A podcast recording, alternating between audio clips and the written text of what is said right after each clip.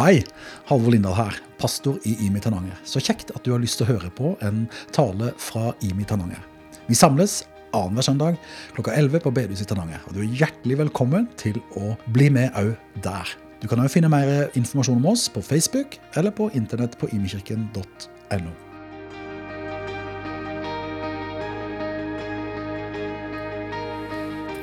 slett en stor ære for meg å være i i Jeg må si det. Veldig kjekt. Jeg kjenner jo en god del av dere, men ikke alle. Og jeg bor jo langt, langt unna. Helt på Kjensvoll i Stavanger. Og for um, nå, altså I begynnelsen av dette året så var vi litt sånn mellom to hus. Eh, og vi bodde hos eh, svigerforeldrene våre. Nei, våre, ja. Mine, i hvert fall. Um, Hørtes ut som innavl. Nei, eh, men, eh, og de, på, de, bodde da på Sunde. Så var vi i en samtale med Anette her, hvor kona mi da sa nei, ja, nå pendler vi da til, fra Sunde og inn til Imi, som da er ti minutter å kjøre. Og hun stoppa og bare Hæ? Hva er det du sier for noe? Men eh, sånn oppleves det av og til å leve i byen. Så jeg bare oppfyller alle fordommene dere måtte ha, og alt det der. Men det er fint å komme helt ut her, altså. Det må jeg si. Vi skal snakke om dette her med bønn. Et liv i bønn. Og jeg syns det er bare så fint å vite at vet du hva? Når vi snakker om bønn og skal be, så trenger vi ikke komme inn i en moské, være i et tempel eller i et bedehus. Vi trenger ikke ha sjelefred eller å ha hva som helst på stell inni livet vårt. Vi trenger ikke vaske oss på forhånd. Vi trenger ikke knele. Vi trenger faktisk ikke engang å folde hendene. Vi kan be Anytime, anywhere, any mood. Hvor som helst, når som helst og hvilket som helst humør. Det står i 1. Johannesbrev 3,1 så står det Se hvor stor kjærlighet Far har vist oss. Vi får kalles Guds barn. Ja, vi er det. Wow! Se så stor kjærlighet Gud har for oss. Vi får være Guds barn. Vi får kalles Guds barn. Ja, vi er faktisk det. Og det er jo det store i kristen tro, den troa vi, vi, har, den guden vi tilhører. At det som hindrer oss i å komme nær Gud, det tar Gud sjøl ansvar for å fjerne bort. Gjennom det Jesus gjorde på korset. Da han døde sammen med alle hindringene våre. Døde sammen med det sånn det falt dødt til jorda. Og så sto han opp igjen, og nå kan vi leve sammen med Gud. Kalle han for far, til og med. Og bli kalt barn og ha rettigheter som barn. Vi får fri adgang til å komme Gud nær. Sånn som jeg sa i begynnelsen, Han er jo stor, han er, han er overalt alle. Han er hellig, vi synger de sanger, vi tror det er sant, det står i Guds ord. Samtidig får han være den nære guden som også kan kalles far, som vi kan snakke med dele våre tanker, følelser, det som surrer i hodene våre. Som vi kan lytte til, høre hva hans ord sier til oss, hva han vil minne oss om. Og vi kan bare være stille, være sammen med han.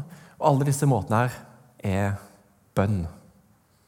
Av og til tenker vi at bønn er liksom, det er ord, liksom. Må, vi må si noe. eller vi må, ja, Men bønn er å være sammen med Gud. Ha en samtale med eller uten ord med Gud.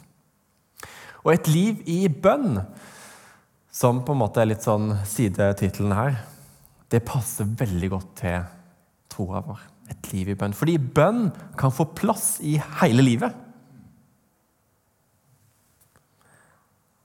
I, ikke bare i kirka, ikke men i hele hverdagen og hva det måtte være, kan bønn ha plass. Og det, vi tror jo det, og dette, Mange av dere tror det og um, vet at det er, men Gud hører jo alle bønner. og det er jo bare helt sånn, Når du stopper opp og tenker over det, tenk at det er faktisk er sant. Han hører alle bønner.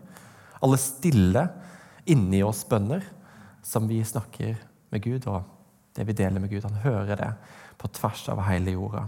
På tvers av tidssoner og hva det måtte være. Det er en bok som heter 'You're crazy if you don't talk to yourself'. Du er gal hvis ikke du snakker med deg sjøl. Det syns jeg er en litt artig tittel. Eh, for det er jo sant, da. Vi har jo en samtale i hodene våre gjennom dagen. Vi snakker med oss sjøl, og det er så lett å så fort å dure på med egne problemer og tankerekker og følelser og surre rundt sin egen grøt inni hodet sitt. Med alt det som skjer.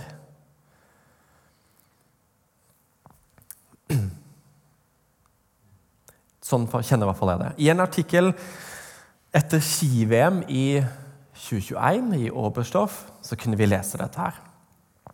At eh, Johaug hun kunne bare kjenne Therese Johaug under masse i ski. Kunne bare kjenne lukten av parfymen til Olympiatoppens psykolog. Og hun kom på vinnersporet. Så denne psykologen kunne ikke være der i Oberstdorf, men plutselig når hun skulle eh, eller plutselig, altså den dagen hun skulle gå et løp, så hang det en pose utenfor hotellrommet døra hennes med bomullsdotter. Med parfymen til denne psykologen. Som hun hadde hatt samtale med gjennom en lang tid. Hun, skrev, hun sa dette i, i artikkelen at hun, denne psykologen bidrar, Therese sier dette, psykologen bidrar til at jeg finner roen og tryggheten. Jeg kjenner at hun har fått meg på de rette tankene og til å slappe ekstra av. Hun får meg til å slappe ekstra av.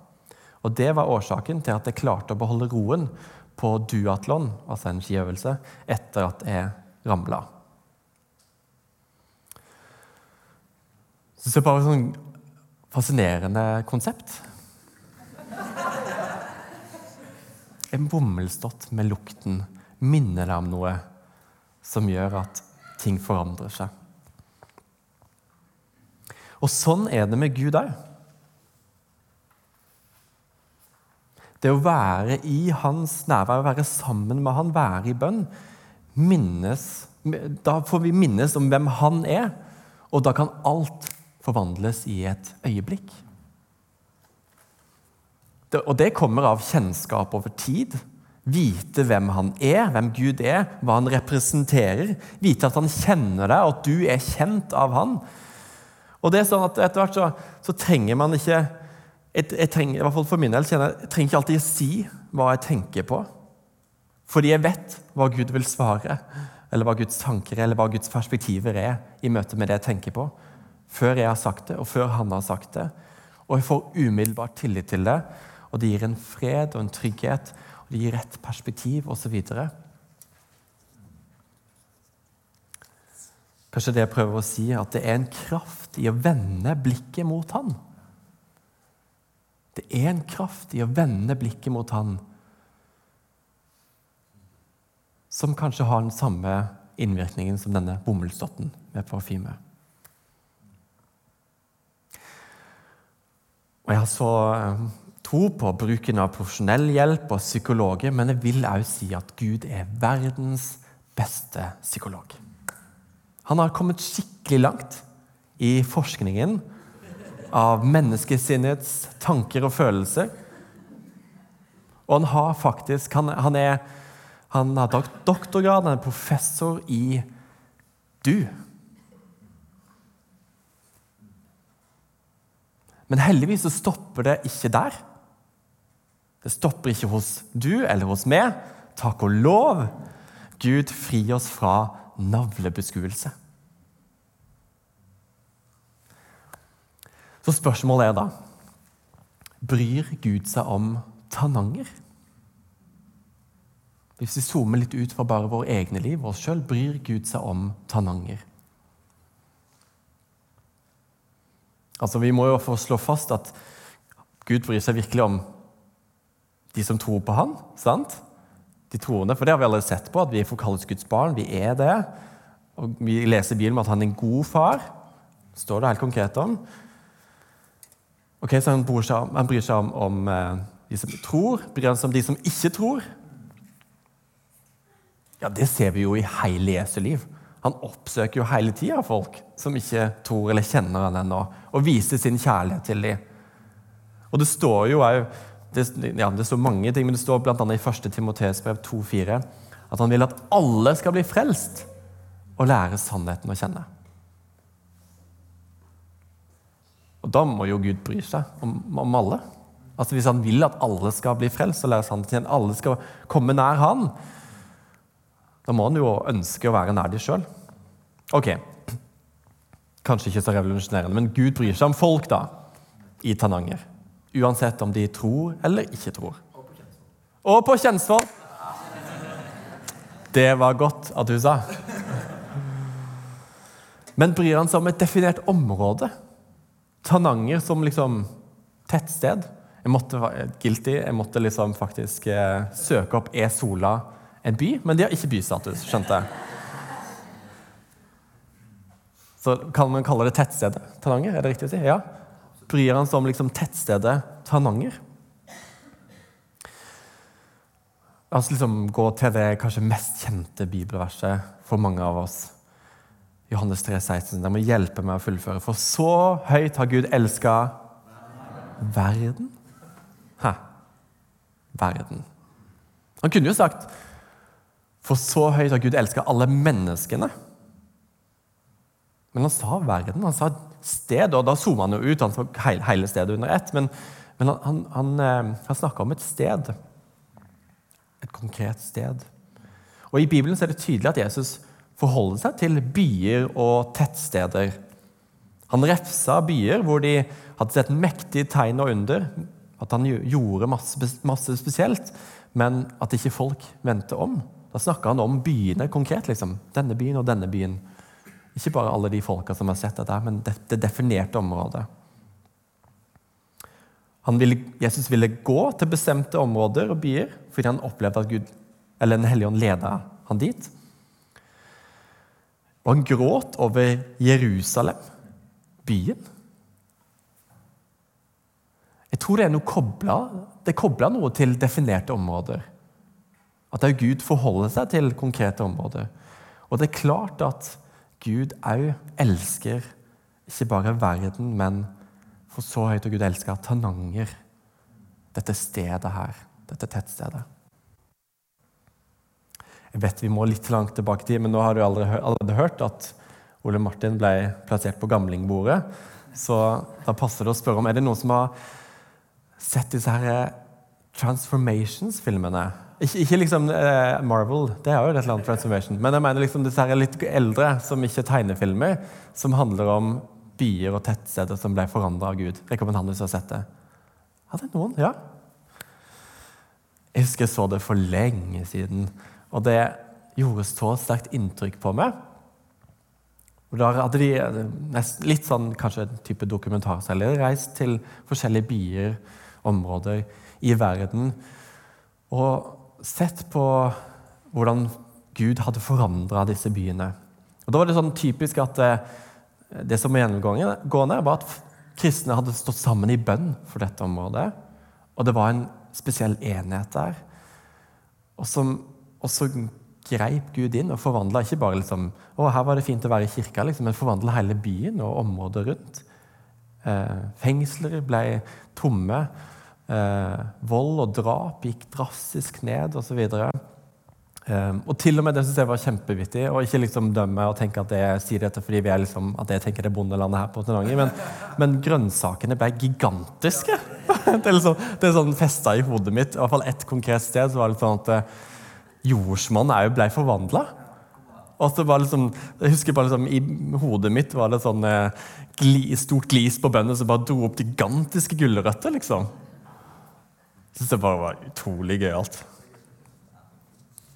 Det høres kanskje litt snodig ut at det som skjer i bønn hos oss kristne, hos oss troende, skal ha noe å si for hvor store gulrøtter det vokser opp fra bakken på det området. Men jeg har tro på at det er en det finnes en form for Dette, er ikke, dette begrepet jeg har dikta, men et åndelig økosystem. Hvor ting henger mye mer sammen enn det man tror. At vi lever både i en synlig og usynlig virkelighet. Og Det står det jo konkret om òg i Efeserbrevet. For, for, vår kamp er ikke mot kjøtt og blod, men mot makter og åndskrefter, mot verdens herskere i dette mørket, mot ånds, ondskapens ånde her i himmelrommet. Ting henger mye mer sammen enn det vi tror. Jeg kjenner ikke Tananger sånn kjempegodt. Dette er helt sånn tilfeldige eksempler, men jeg vil bare gi noen bilder. For eksempel, dersom det er masse mobbing på skolene i Tananger så skal vi definitivt jobbe menneskelig med det. På foreldremøter, blant foreldre, opp mot ansatte på skolen osv., rektor, hva det måtte være. Men det er òg et åndelig anliggende for kirka på det tettstedet.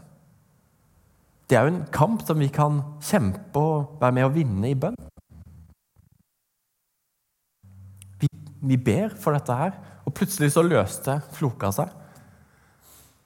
Den ene personen som leda han i mobbinga, endra seg, osv. En åndelig virkelighet som òg vi kan være med og ha betydning i. Og Hvis det er utfordringer som arbeidsledighet, rusavhengighet, ødelagte familier, ensomhet osv., så, så er det mange, mange måter som kirke og samfunn på, kan jobbe på, sånn rent menneskelig talt, og det skal vi gjøre.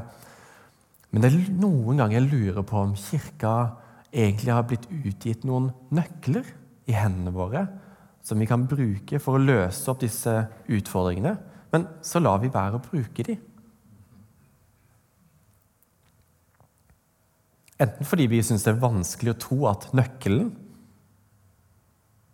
som kan være vi og bønnene våre, at den faktisk virker. At den kan virke. Kanskje vi tenker den er ødelagt av synd i våre liv, ting vi gjør galt, eller ting som ikke er på plass i våre liv, eller hva det måtte være. Og Derfor er nøkkelen liksom litt ødelagt. Eller at um, det er vanskelig å tro på han som holder nøkkelen, Gud sjøl. Vi syns det er vanskelig å tro at, at, han, at han vil, at han kan bruke den nøkkelen, bruke oss. Kanskje vi bærer på skuffelse, at Gud ikke har grepet inn før osv. Det kan være mange ting som gjør at det er vanskelig å tro helt på at dette her er sant. Eller at vi fyller livet vårt med travelhet og stopper ikke opp helt og forholder oss til dette. her. Vi glemmer det ut. Vi legger liksom hele tanken på bønn liksom litt på sida. Og vi lager ikke rammer i våre liv, eller har ikke rammer i våre liv som hjelper oss til å leve dette her ut. Det kan være mange flere forskjellige grunner til at nøklene for Tananger ikke blir brukt. I Jakobs brev så står det noe på en måte litt sånn krast, men det er litt oppmuntrende òg, egentlig. Dere har ikke fordi dere ikke ber. På en måte så er det jo det er en sånn formaning i det. Liksom. Dere har ikke fordi dere faktisk ikke ber. Eller, men det er jo en sånn oppmuntring. Det er mulig å få hvis dere ber.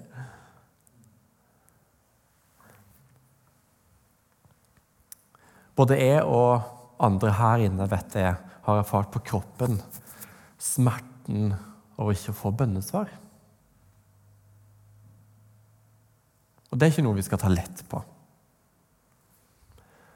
Vi kan uh, snakke med Gud om det, vi kan snakke med andre om, om det. Og, og, noe som jeg har syntes vært veldig sånn, fint og viktig, er å gi Gud ansvaret for å bygge opp igjen tilliten hvis jeg opplevde noe har vært utfordrende, at jeg ikke har fått bønnesvar. At jeg liksom gir det tilbake til Gud. vet du hva? Dette syns jeg er vanskelig. Hvis det er vondt. Du må ta ansvar for å bygge opp denne troa på at det faktisk fortsatt kan At du fortsatt kan virke, at du er sann. For det, det klarer ikke jeg.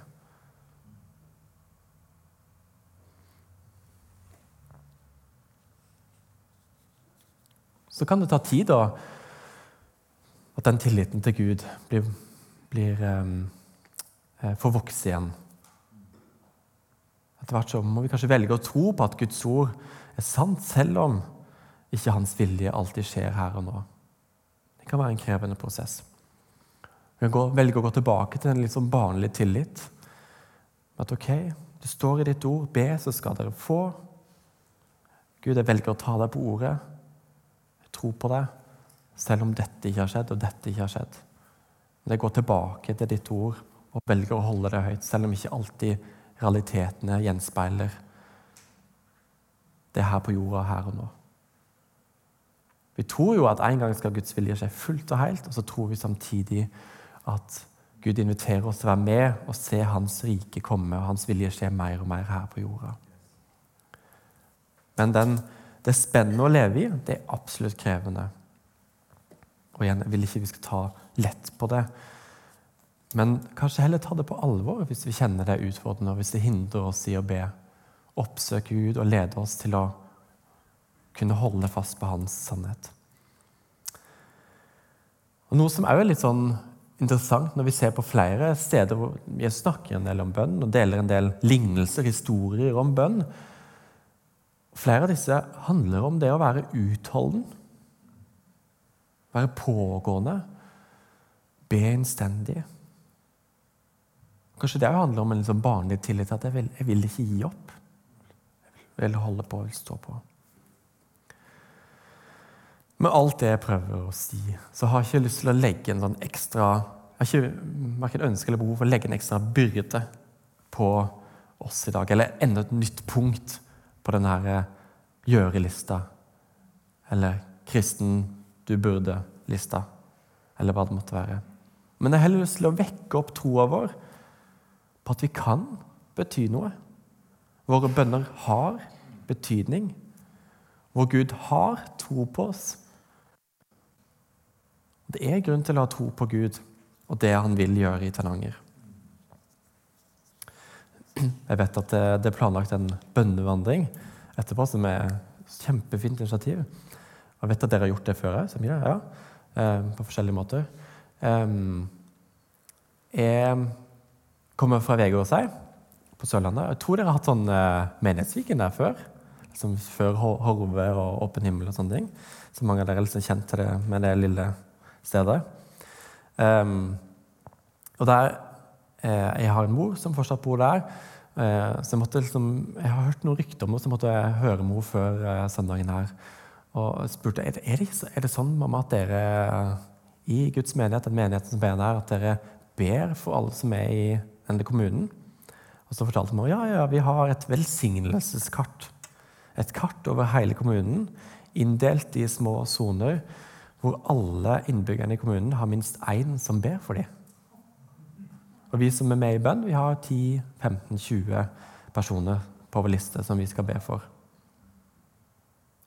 Og da svarte, eh, Vi hadde en sånn tekstmelding eh, hvor vi svarte fram tilbake, så skrev bare tilbake. Radikalt. Så kult. Og Det er klart, det er 2000 innbyggere i, på Vegårshei. Det er mange som er engasjert i menigheten. Jeg syns det er kjempevanskelig å tenke seg for eh, Stavanger og et eller annet sånt. Men utrolig inspirerende likevel. Perspektiv på at vet du hva? vi skal stå sammen i bønn for denne bygda her. Og et, litt sånn, Det har skjedd mange gode ting på Vegårshei de siste åra. Både som i kirka og blant kristne, men altså, mange bygder strever med befolknings... Eh, altså at befolkninga går ned, men der er det masse vekst på seg. Det er mange kristne familier som flytter tilbake til bygda. De får være med og prege skoler og miljø osv. Eh, eh, så det er kjempefint. Jeg hørte en historie som jeg bare hadde lyst til å dele fra sommeren. Kanskje noen av dere har hørt det før, men eh, da var det en som opplevde jeg tror det var på et, eh, et kristenmøte eller en bønnesamling at han, han bare kjente jeg skal besøke en helt konkret hytte som jeg ikke aner hvem bor i, eller som har et forhold til. eller jeg vet ikke hva det er for noe, Men jeg kjenner bare det så sterkt. Så han valgte å bare reise til denne hytta. Og så Eller var det huset? Et eller annet. Ja, så var det. Hytte. ja. Og så ringer han på, og så åpner han døra og så sier han, å ja, der var dere. Eller der var du. Og så har de i denne hytta bedt om at Gud skulle sende noen til de, sånn at de kunne begynne å tro på han. Så De kjente ikke Gud fra før, men de hadde bedt den bønnen. Og så får de lede, bli leda til tro der og da. Det er bare en utrolig kul historie. Bare sånn, Oi, what? Virker du sånn, Gud? liksom? Ja. Det er jo en skikkelig oppmuntring å bare gå på de innskytelsene eller tingene vi kjenner på. Eller, ja, hva det måtte være, i hverdagen. Eh, jeg har et sånn eh, på litt sånn drømmelista mi for eh, menigheten i, Stavanger, helt langt inne på Kjensvoll, om å utforme en sånn bønn for byen. En, altså skrive, lage en bønn som vi kan være med og be sammen i menigheten. Og kanskje også sammen med andre menigheter. Be. Dette ber vi for for denne byen. her. Dette er det vi vil, dette lengter vi etter. Stå sammen om helt konkret en bønn. Hver kveld når jeg legger barna, så, så har jeg alltid en uh, fast uh, bønn jeg ber for byen. Jeg ber om at Guds rike må komme, og Guds vilje skje i oss og gjennom oss, og i byen vår og gjennom byen vår. Så oppmuntringen er å finne konkrete måter å be for som passer i våre hverdagsliv, hva det måtte være for byen. Så er spørsmålet hvordan kan vi be? Vi skal gå mot avslutning.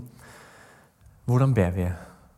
Av og til så er det litt sånn vanskelig å finne de rette ordene. Vite helt hva det skal si for noe. For eksempel, hvis jeg skal be for skolen, jeg vet ikke alt om alle utfordringene her på denne skolen. Jeg vet ikke alt hva som er krevende. Hva er det som faktisk, eh, hva er det, hvilke ord er det jeg skal bruke her i møte med, med dette her? Um, og Da har jeg lyst til å gi et, eller minne om et enkelt redskap, og det er velsigne. Om ikke vi alltid har de rette ordene, så kan vi be om at Gud skal velsigne dette stedet. her.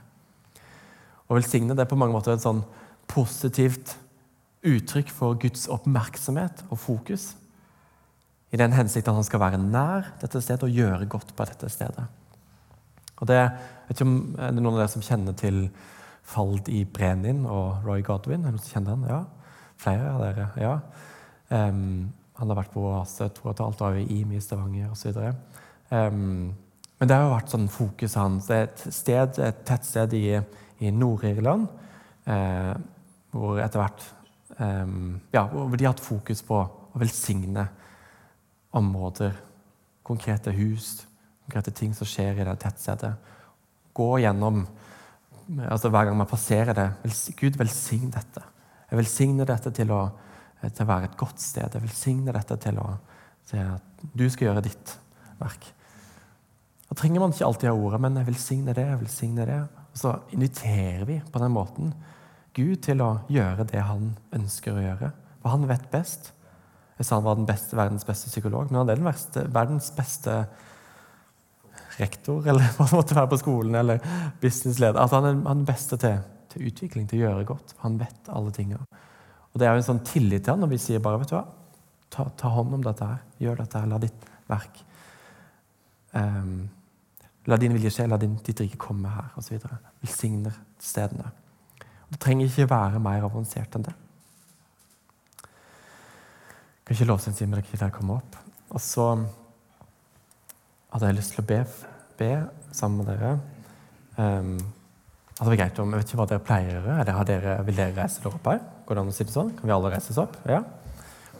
Og så um, Etter hvert når lovsangsteamet Når jeg har bedt, og lovsangsteamet fortsetter å lede oss litt i lovsang, så er det så har jeg skjønt at jeg har en sånn velsignelsesbenk bak på deres venstre side i salen. Så der går det an å sette seg, så vil noen komme og velsigne du og ditt liv, det du tenker på.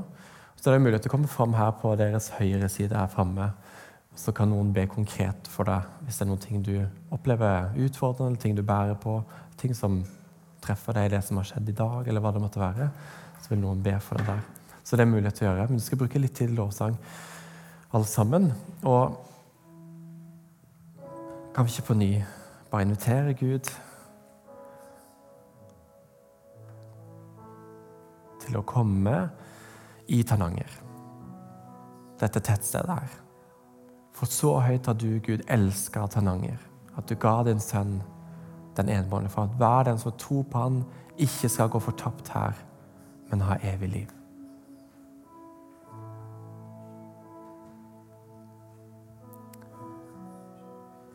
Hvis det er sånn at du har så tro på oss, Gud, at du lar oss være, få være en nøkkel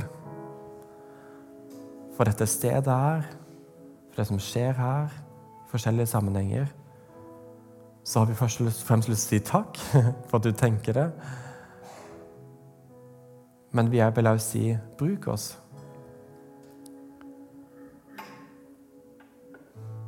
Og Hvis det er noe vi kjenner på liksom, åh, Jeg har ikke så mye tro på det, ting står i veien for, for at jeg tenker at jeg kan bli brukt, eller hva det måtte så vis oss det, Gud. Og ta bort disse hindringene, sånn at vi kan ha full tro på hvem du er, Gud, og hva du kan gjøre her, men har full tro på at du vil bruke oss. Vi trenger ikke ha alt på plass i livet. Du, historien er full av det. At du bruker folk som ikke har alt på plass. Men her sier vi 'kom og bruk oss' til å se ditt rike komme og din vilje skje i Tananger. Og ber om for den uka som kommer, at du skal minne oss om å be for, for uh, Tananger. Velsigne ulike ting vi måtte kjøre forbi. Velsigne folk vi ser. Invitere ditt rike til å komme. Minn oss om det. Mm.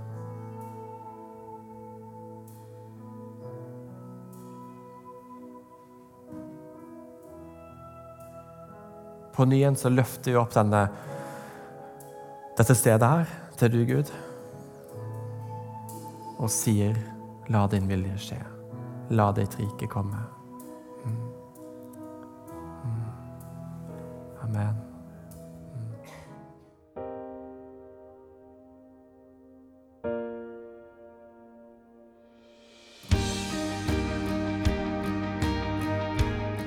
Takk for at du hørte på en tale fra Imi Tananya. Håper den var til velsignelse og berikelse for livet ditt sammen med Jesus. Ha en velsigna dag.